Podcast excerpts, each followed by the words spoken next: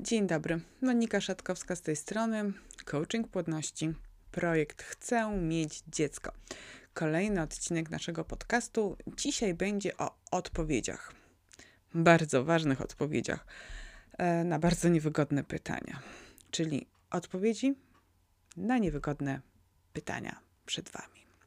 W czasie leczenia niepłodności niezwykle ważną umiejętnością jest udzielanie odpowiedzi na niewygodne dla Was pytania.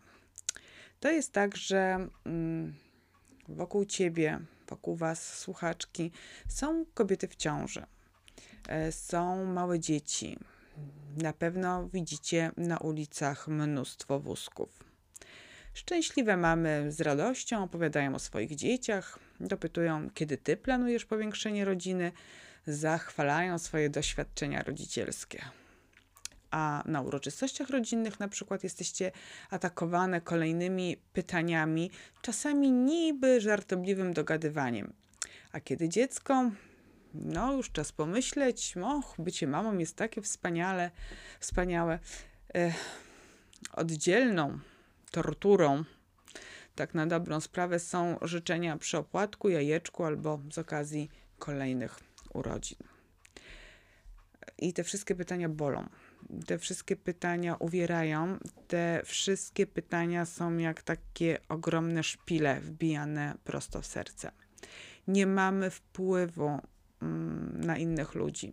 Możemy ich prosić, żeby nas nie pytali, możemy dawać wymijające odpowiedzi, możemy tłumaczyć, że są pytania, których się nie powinno zadawać.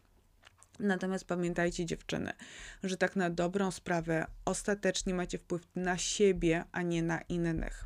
Więc jeżeli niewygodne, trudne, bolesne pytania o brak dziecka Wam dokuczają, przeszkadzają i bolą, to musicie nauczyć się sobie z nimi radzić. Po prostu się tego nauczyć i do odpowiadania na takie pytania przygotować.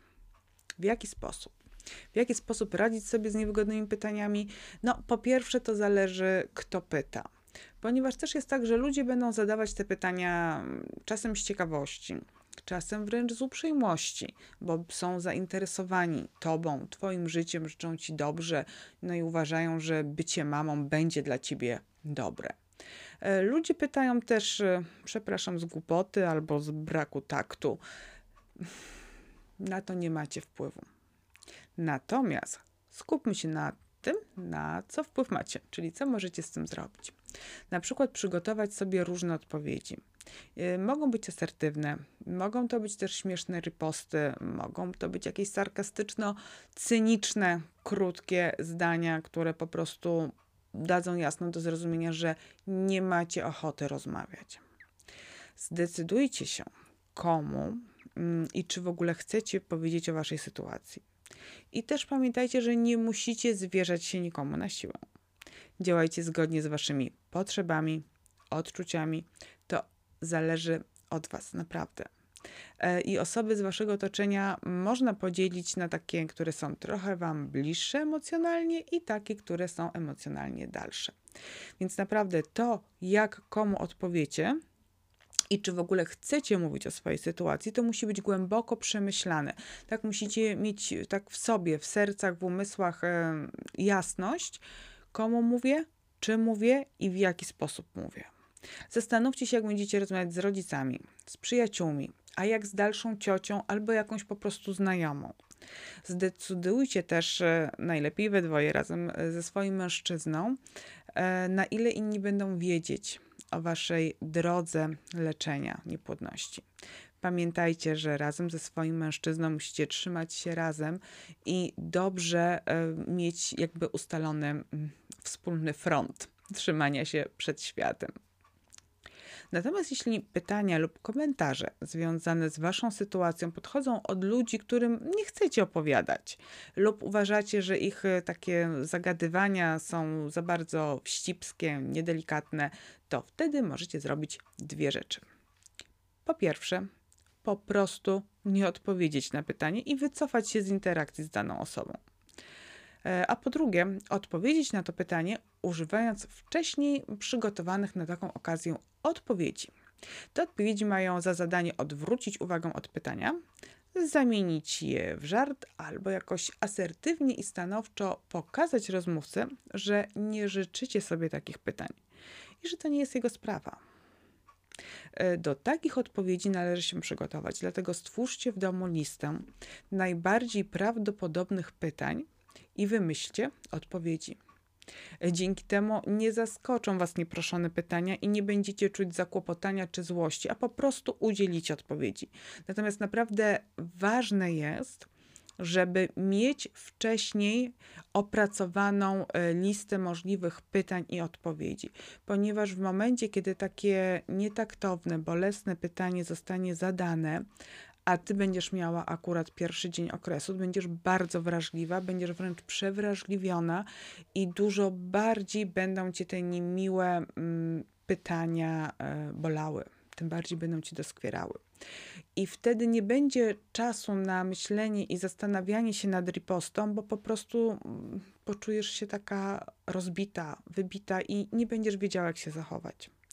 Natomiast jeżeli wcześniej będziesz miała przygotowane odpowiedzi, napisane na kartce, przetrenowane w głowie takie rozmowy, możesz sobie wyobrażać rozmowę z daną osobą, to w tym momencie, nawet jeżeli pytanie nietaktowne, bolesne, no właśnie będzie bardzo nie na miejscu i cię zaboli, e, to mając w głowie mm, plan, e, będziesz go mogła po prostu użyć, będzie ci łatwiej. Jeżeli ktoś się zapyta na przykład, macie dzieci? Właściwie dlaczego ich nie macie? Możesz mieć przygotowaną na przykład taką odpowiedź. Najpierw kupimy psa.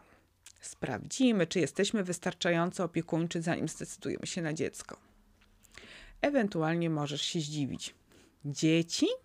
Kurczę, wiedziałam, że o czymś zapomniałam. Możesz się jeszcze zapytać: No, na dziecko jeszcze czekamy, a wy adoptowaliście już kota? Jak widzisz, pytania mogą być naprawdę w różnym stylu, niektóre bardziej sarkastyczne, niektóre bardziej asertywne. To zależy jakby od Twojej kreatywności, od Twojej wyobraźni i od tego, w jaki sposób odpowiadania będzie dla Ciebie najlepszy, z jakim Ty będziesz się czuła mm, najbezpieczniej. Może być też na przykład takie pytanie: ile jeszcze będziecie czekać z tym potomstwem? Do roboty. Wtedy dobrze przygotować sobie trzy odpowiedzi. Na przykład krótka i asertywna. To nasza sprawa. Nie życzę sobie takich komentarzy. Możesz też y, udzielić takiej odpowiedzi. Ile jeszcze będę czekać? Hmm, dam sobie tyle czasu, ile potrzebuję. Ewentualnie możesz odwrócić kota ogonem i zadać pytanie: A ile ja mam jeszcze czekać na obiecaną kawę? Możliwych odpowiedzi jest naprawdę mnóstwo. E, czasem będzie to odpowiedź stanowcza i krótka, czasem odwracająca uwagę od problemu, taka zmieniająca temat. E, naprawdę dobrze jest przygotować sobie różne warianty, przetrenować je w domu. Im więcej odpowiedzi będziesz wymyślać, tym będziesz się też czuła mm, z tym pewniejsza i swobodniej te odpowiedzi będą przychodziły ci do głowy, a dzięki temu będziesz czuła się bezpieczniejsza. Lepiej będziesz znosić pytania i zaczepki ludzi odnośnie braku dziecka, tylko wtedy, jeżeli przejmiesz kontrolę nad rozmową, a przejmiesz kontrolę, jeżeli będziesz miała w głowie poukładane, co i jak możesz odpowiedzieć. Tak na dobrą sprawę, to co możesz, to nie daj się zaskoczyć pytaniem. I żeby się nie dać zaskoczyć, to już teraz znajdź na nie odpowiedź. Że zostawiam Cię z kilkoma pomysłami na odpowiedzi i zapraszam Cię do bardzo kreatywnej pracy polegającej na wymyślaniu różnorakich odpowiedzi w zależności od tego, kto pyta, co chcesz odpowiedzieć i w jaki sposób chcesz odpowiedzieć. Pozdrawiam Cię bardzo serdecznie. Nie daj się więcej zaskoczyć e, pytaniom o dziecko. E, masz kontrolę nad rozmową. Pozdrawiam ciepło. Monika Szatkowska.